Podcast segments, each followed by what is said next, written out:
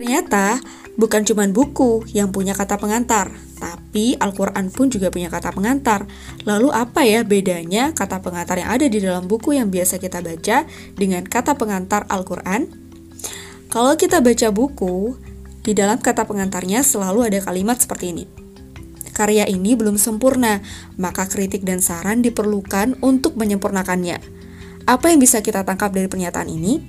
Yang bisa kita pahami adalah bahwa karya manusia itu tidak sempurna, nggak bisa dijadikan tolok ukur, belum bisa dipastikan kebenarannya, masih ada kekurangan dan bisa berubah sewaktu-waktu.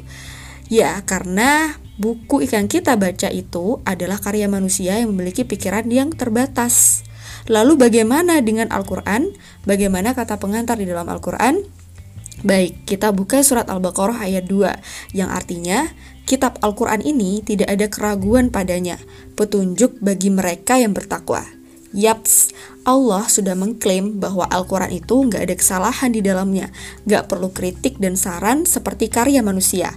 Al-Quran adalah masterpiece Allah yang sudah disediakan sedemikian rupa untuk manusia-manusia yang bertakwa.